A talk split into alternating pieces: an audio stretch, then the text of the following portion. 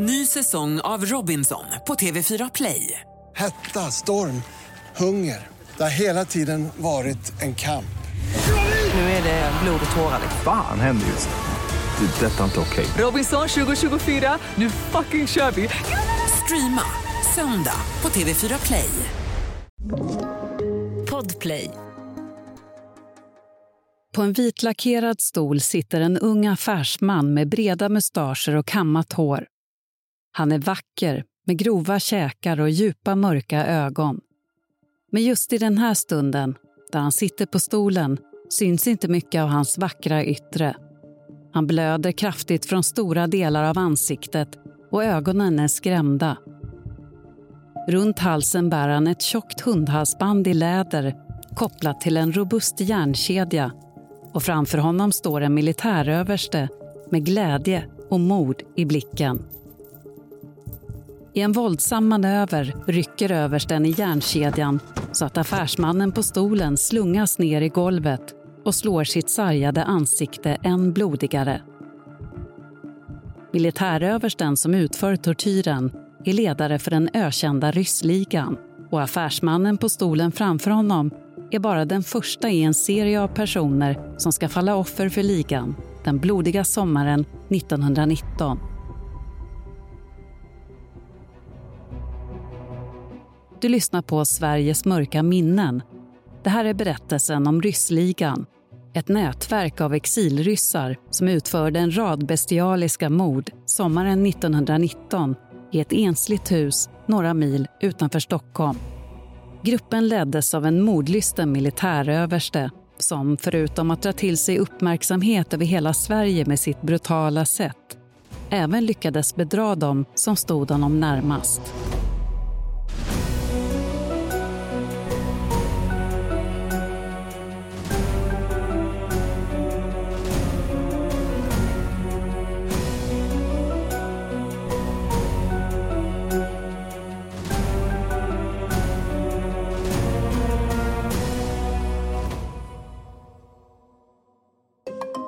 Mohammed Bek Hadjelache kommer till Sverige från Sankt Petersburg i början av oktober 1918. Det är året efter revolutionen i Ryssland, den blodiga vändningen i historien när de ryska kommunisterna störtade regimen, avsatte den sittande tsaren och la grunden för det som skulle bli Sovjetunionen. I kölvattnet av revolutionen pågår ett intensivt inbördeskrig mellan de röda kommunisterna och de vita kontrarevolutionärerna som fortfarande står på tsarens sida. Mohammed Bek Hadjilatche, som härstammar från området Kaukasus mellan Ryssland och Mellanöstern, tillhör den vita sidan. Enligt egna uppgifter är han tidigare kosacköverste i tsarens armé men liksom mycket annat som Hadjilatche berättar om sig själv är det uppgifter som inte riktigt går att bekräfta. Men för enkelhetens skull kommer vi i det här avsnittet att kalla honom för kosacken. Vad som går att säga med säkerhet om kosacken är att han är övertygad monarkist och hyser en oerhörd avsky mot de ryska kommunisterna. Tillvaron för en monarkist i Sankt Petersburg är vid den här tiden förknippad med livsfara. Och det är skälet till att kosacken flyr till Stockholm. Och valet av flyktort är enkelt. Stockholm ligger nära Sankt Petersburg men innebär ett skyddat liv. Och det är just närheten som tilltalar honom. För den tsartrogne mannen som året efter revolutionen packar sina väskor och beger sig till Sverige har inga planer på att dra sig undan och leva ett liv i lugn och ro. Tvärtom vill han fortsätta kampen mot de ryska kommunisterna men nu genom att samla in pengar på svensk mark och skicka dem till styrkorna i Ryssland. Kosacken säger själv att han är personligt drabbad av den röda terrorn. Släktingar till honom har mördats och han har själv tillbringat tid i fängelse för sina vita sympatier. Men med hjälp av kontakter i Sankt Petersburg lyckades han bli frisläppt ur fängelset med livet i behåll. Och det är verkligen ett undantag för en tillfångatagen kontrarevolutionär. När kosacken anländer till Stockholm är det därför med en längtan efter hämnd i kroppen. Han är och har länge varit en aktiv motståndare till revolutionen och planen är att fortsätta arbetet från andra sidan Östersjön. Vid den här tiden, under 1900-talets början, är Stockholm en speciell plats för många ryssar. Fram till revolutionen 1917 är den svenska huvudstaden något av ett centrum för politiska flyktingar på den kommunistiska sidan. Men när kommunistledaren Lenin och hans följare tar makten förändras allt. Och majoriteten av de här flyktingarna återvänder till Ryssland för att medverka vid det nya kommunistiska uppbyggandet av landet. Istället tvingas nu tsarvänliga ryssar på flykt för att undgå de rödas terror. Och i Stockholm sker därför ett slags byte av exilryssar. Kommunisterna återvänder hem till Ryssland och anarkisterna anländer till Sverige. Därför blir det naturligt att flera av de ryska flyktingarna som kommer till Stockholm efter revolutionen tillhör det översta samhällsskiktet. Det är personer från aristokratin, många med personliga kopplingar till tsarfamiljen och inte sällan med goda ekonomiska tillgångar. En av ryssarna som kommer till Stockholm efter den ryska revolutionen är Nikolaj Ardashev.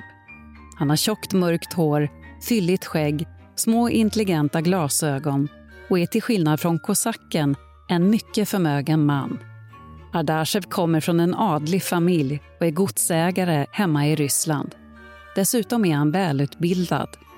Han har en doktorsexamen i juridik och innan revolutionen 1917 arbetade han som redaktör på en av landets populäraste tidningar.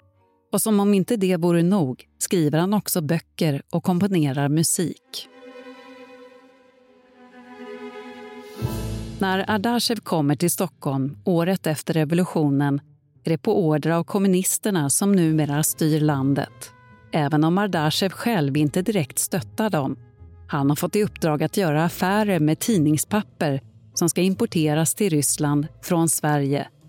Ardashev, som har ett rikt socialt liv i Stockholm och många bekanta inom den ryska diasporan, hävdar själv att han är antikommunist. Han stödjer tsaren och den vita sidan. Samarbetet med kommunisterna är helt enkelt ett sätt att fly den röda terrorn, en ursäkt för att ta sig ut ur landet. Men det som verkar vara ett illojalt dubbelspel rör upp känslor.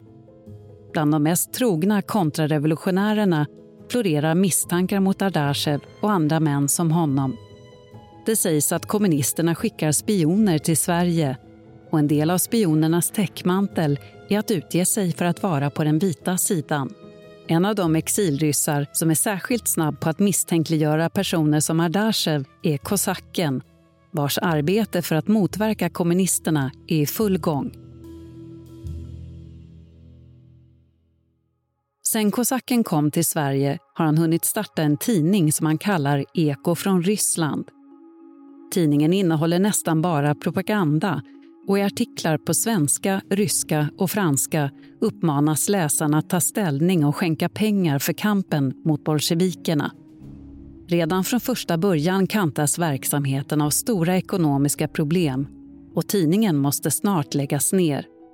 Förutom bristen på pengar är det många som tycker, också inom den antikommunistiska rörelsen, att den är oläslig. Innehållet är monotont och formgivningen ful vilket gör att de få nummer som trycks aldrig når ut till någon större läsekrets. Men arbetet med tidningen som bara trycks i sex nummer, har ett annat syfte för kosacken. Utgivningen gör att han kommer i kontakt med flera personer från den vita kontrarevolutionära sidan som befinner sig på flykt i Sverige. Och det är i det här skedet, runt årsskiftet mellan 1918 och 1919 som rekryteringen till vad som ska bli den beryktade ryssligan drar igång på allvar. Kosacken beskrivs av folk runt omkring honom som en mycket karismatisk person. Han går ofta klädd i kosackuniform, blanka läderstövlar och har en burdus och humoristisk personlighet. Ansiktet pryds av ett tunt gråsvart skägg och ögonen är små och luriga. Vissa menar att han har ett nästintill hypnotiskt inflytande på människor. Så när kosacken börjar berätta om en motståndsgrupp som han har drivit i hemlandet är det flera som är intresserade. Gruppen ska ha hetat Militärorganisationen för det ryska rikets återupprättande och nu vill kosacken starta en undergrupp, fast på svensk mark. Planen är att ta tillbaka förmögenheter som ska ha stulits från den ryska tsaren av kommunisterna och smugglats ut ur landet för att förvaras på den ryska legationen i Sverige. De återfunna värdesakerna ska sedan användas för att finansiera de vita arméernas fortsatta kamp i Ryssland för att störta det kommunistiska styret och återta makten. Men ganska snabbt blir det tydligt att planen är alldeles för svår och riskabel. Istället kommer kosacken på andra tillvägagångssätt för att motverka kommunisterna. Metoder som innefattar mer brutalitet, mer blod och mer hämnd. I februari 1919 har kosacken samlat ihop 15 personer till gruppen. Det är en blandad skara människor, men majoriteten är ryssar. Bland annat lyckas kosacken värva en hög general från den tsarryska armén som i sin tur för med sig hela sin familj. Förutom de ryska medlemmarna finns också två svenska kvinnor med i ligan som båda har varit gifta med ryska män. Med tiden kommer det fram att en av de här kvinnorna som dessutom har inlett en intim relation med kosacken äger en fastighet tillsammans med sin far ute i Bollstanäs, ungefär två mil utanför Stockholm. Kosacken spetsar öronen. En stor villa i lugn miljö är precis vad gruppen behöver för att utföra sitt arbete. Kvinnan går med på att hyra ut villan till kosacken och det stora röda huset, som senare ska bli känt som Ryssvillan, blir under våren och sommaren 1919 en samlingsplats för ryssligan. Kosacken ser genast möjligheterna när han kommer dit. Villa Björkudden, som är det riktiga namnet på Ryssvillan, ligger ensligt till, utan grannar. Och den har en tomt som sträcker sig hela vägen ner i Norrvikens svarta vatten. Kosacken kan se det framför sig. Han har planer på hur han ska fortsätta arbetet mot kommunisterna och härifrån kan han jobba ostört. Mycket riktigt blir också den vackra miljön en täckmantel för det som egentligen ska pågå i det stora huset.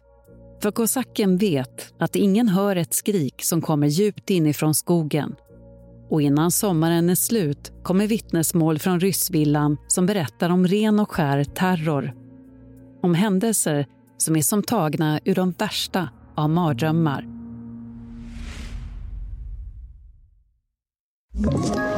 Ett poddtips från Podplay.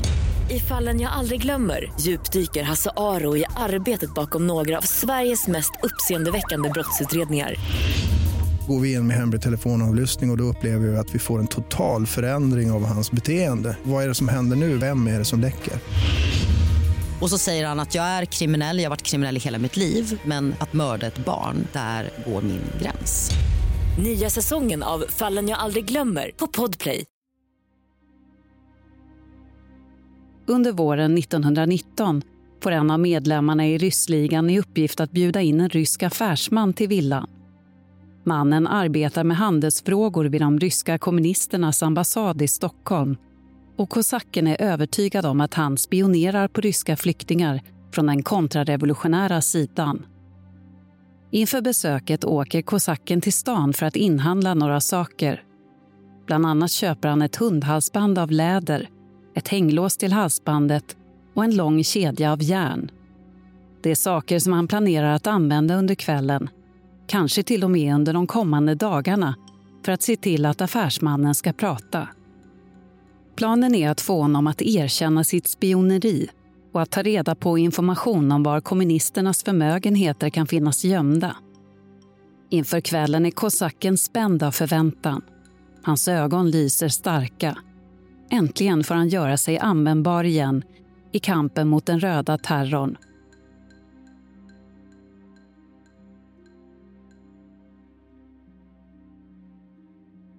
Lördagen den 5 april 1919 anländer affärsmannen till Ryssvillan på gott humör. Syftet med middagen, har man sagt till honom, är att diskutera affärer. Men när han bjöds in fick han också veta att det efter middagen väntar fest med kvinnligt sällskap. Därför har affärsmannen tagit med sig sin balalaika ifall han skulle få tillfälle att spela lite. Men tankarna på kvinnor och balalaika-spel försvinner snabbt när affärsmannen kommer in i huset. I hallen möts han av kosacken som står beredd med dragen revolver. Med pistolmynningens kalla stål tryckt mot nacken förs mannen till villans fångrum och placeras på en vitlackerad stol med hundhalsbandet på sig. Inom kort börjar kosackerna tortera mannen för att få ut information om gömda kommunistpengar. Tortyren blir allt brutalare i takt med affärsmannens bristande svar. Kosacken försöker ge honom elektriska stötar. När det misslyckas kastar han istället en snara runt mannens hals och drar runt honom i rummet tills ansiktet slås blodigt. Utpressningen av affärsmannen pågår under en längre tid. I mer än ett dygn hålls han fången i rummet fastkedjad utan tillgång till mat eller vatten med risken att när som helst bli utsatt för kosackens raseri och brutala våld. Men tortyren leder inte till några avslöjanden om gömda kommunistpengar. Det enda ligan kommer över är affärsmannens personliga tillhörigheter i hans lägenhet som inte uppgår till några stora summor. Och medan tortyren pågår blottas något skrämmande också för ligans medlemmar. När kosacken torterar affärsmannen skuttar han runt i något slags obehaglig vrickad glädje vilket gör att ligans övriga medlemmar blir allt mer rädda för honom. Han tycks njuta av att tortera sina offer. Det går upp för ligan att kidnappningen verkar handla om mer än bara pengar som kosackerna sagt från början. Han framstår allt mer som en galen man med tydligt sadistiska drag. Efter ungefär ett dygn i fångenskap blir affärsmannen till sist fri från sitt lidande. Han stryps medvetslös innan kosacken skjuter honom i huvudet med sin revolver. Efter dödsfallet ser ligans medlemmar till att kroppen lindas in i tyg fästs med kedjor och stenar och sänks ner i Norrvikens vatten. De gillar inte att göra det, men kampen mot kommunismen går först och dessutom följer de bara order. Men i kosackens värld är allt i sin ordning. En kommunist har betalat med sitt liv för den röda terror som har dragit in över Ryssland. Och än är han inte färdig. Innan våren har blivit sommar sker ytterligare ett mord i Ryssvillan efter brutal tortyr och utpressning. Den här gången lyckas ligan komma över betydligt större summor pengar bland annat genom att plundra det mördade offrets bostad. Kroppen dumpas i Norrvikens mörka vatten och väcker inga större misstankar när den sakta glider ner mot den mjuka botten. Men det arbete som i kosackens värld precis har börjat kommer snart få ett abrupt slut när ryssligans aktiviteter nystas upp och blottas för omvärlden.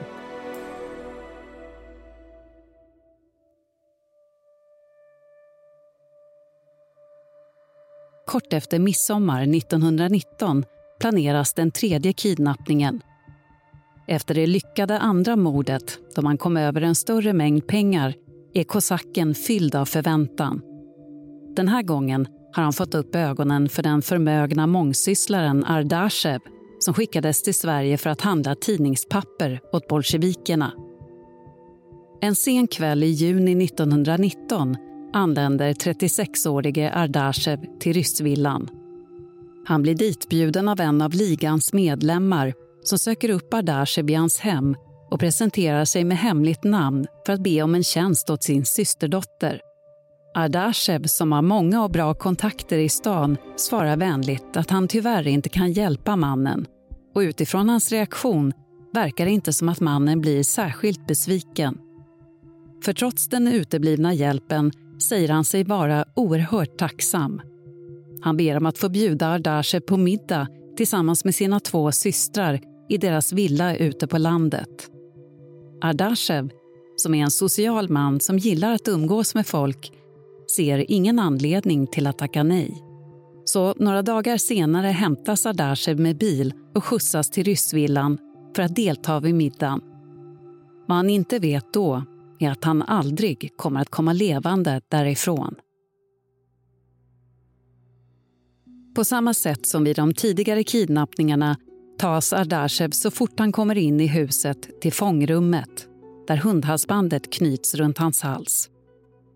Där får han sitta i över ett dygn utan mat eller vatten innan han torteras till att skriva ut flera bankcheckar på höga belopp till ligan. Och som vanligt är det kosacken som står för tortyren. Ligans andra medlemmar tycker till och med synd om Ardashev som inte alls verkar vara någon kommunistisk spion utan precis som han säger verkar stå på den vita sidan. De försöker prata med kosacken.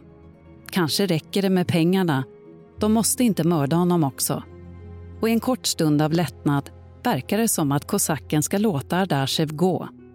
Men så plötsligt under kvällen, vid ett utbrott av vrede och raseri kastar kosacken en snara runt Ardashevs hals, rycker till och drar omkull honom. Ardashev faller mot marken så att ansiktet slås blodigt innan kosacken börjar sparka honom i bröstet och hoppa på hans huvud. Ardashev avlider kort därefter, strypt och misshandlad till döds av kosacken. Och trots deras protester är det ligans övriga medlemmar som får ta hand om den döda kroppen. Precis som de har gjort innan rullar de in Ardashev i tyg, kör honom från villan till vattnet i en skottkärra och sänker liket med hjälp av stenar och metallkedjor i den nu sommarljumma Norrviken. Ungefär tre veckor efter mordet, den 18 juli 1919 anmäler en vän den adlige Ardashev som försvunnen till polisen. Det här blir startskottet på en omfattande utredning som efter många vändningar till slut landar hos kosacken och ryssvillan. Med tiden lyckas polisen hitta samtliga av de tre dödsoffren. I början av augusti 1919 fiskar utredare upp de döda kropparna från Norrvikens mörka vatten och händelsen blir en nyhet över hela landet. Dessutom hittar man en dödslista bland kosackens saker i ryssvillan med flera uppskrivna namn på potentiella offer. Listan vittnar om att kosacken troligen inte hade nöjt sig med de tre mordoffren utan fortsatt att kidnappa och tortera om han inte hade stoppats av polisen. En annan sak som upptäcks och uppmärksammas under polisutredningen är att pengarna som kosacken stulit från sina offer inte alls har skickats till de kontrarevolutionära styrkorna i Ryssland. Det visar sig istället att han har lurat hela ligan och behållit pengarna för sig själv. Stöldgodset som uppgick till ungefär 1,3 miljoner kronor omräknat i dagens penningvärde har kosacken skickat i hemlighet till sin fru som är bosatt i Paris med parets fem barn. Allt det arbete, de risker och hemska brott som kosacken fått ligans 15 medlemmar att begå har varit baserade på en lögn och uppgifterna tar hårt på alla ryssligans medlemmar. De förstod att kosacken var en opolitlig man, på flera sätt galen och extremt våldsam men att han, som verkade så passionerad för kontrarevolutionärernas sak skulle ta pengarna till sig själv kunde de aldrig tänka sig. När rättegångarna är slut i maj 1920 är det därför ingen från den tidigare ryssligan som står kvar på kosackens sida. Alla hans tidigare kumpaner och följare har vänt honom ryggen. Till slut har kosacken visat sina rätta färger och han får också betala ett högt pris för sina handlingar.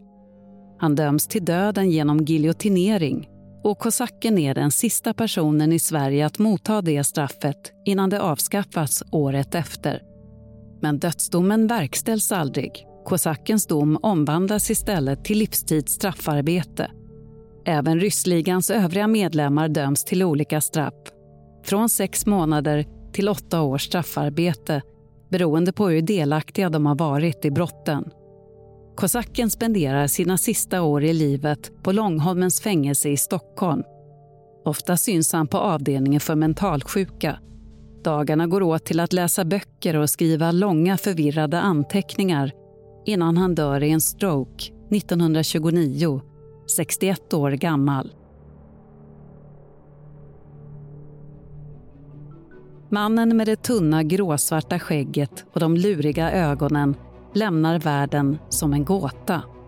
Få vet vem han egentligen var eller vad som sades om honom som var sant. Säkert är i alla fall att han har gått till historieböckerna som den sadistiska kosacköversten ihågkommen för de fasansfulla morden som begicks i den ökända ryssvillan i Bollstanäs. En villa som står kvar än idag utanför Stockholm och påminner om de hemska händelser som utspelade sig där under 1910-talets sista år. Du har lyssnat på Sveriges mörka minnen. Producent är Oliver Bergman. Exekutiv producent Victoria Rinkos. Manus skrevs av Richard Bagat. Och vignetten har gjorts av Kristoffer Folin. Jag som läser heter Katarina Evers.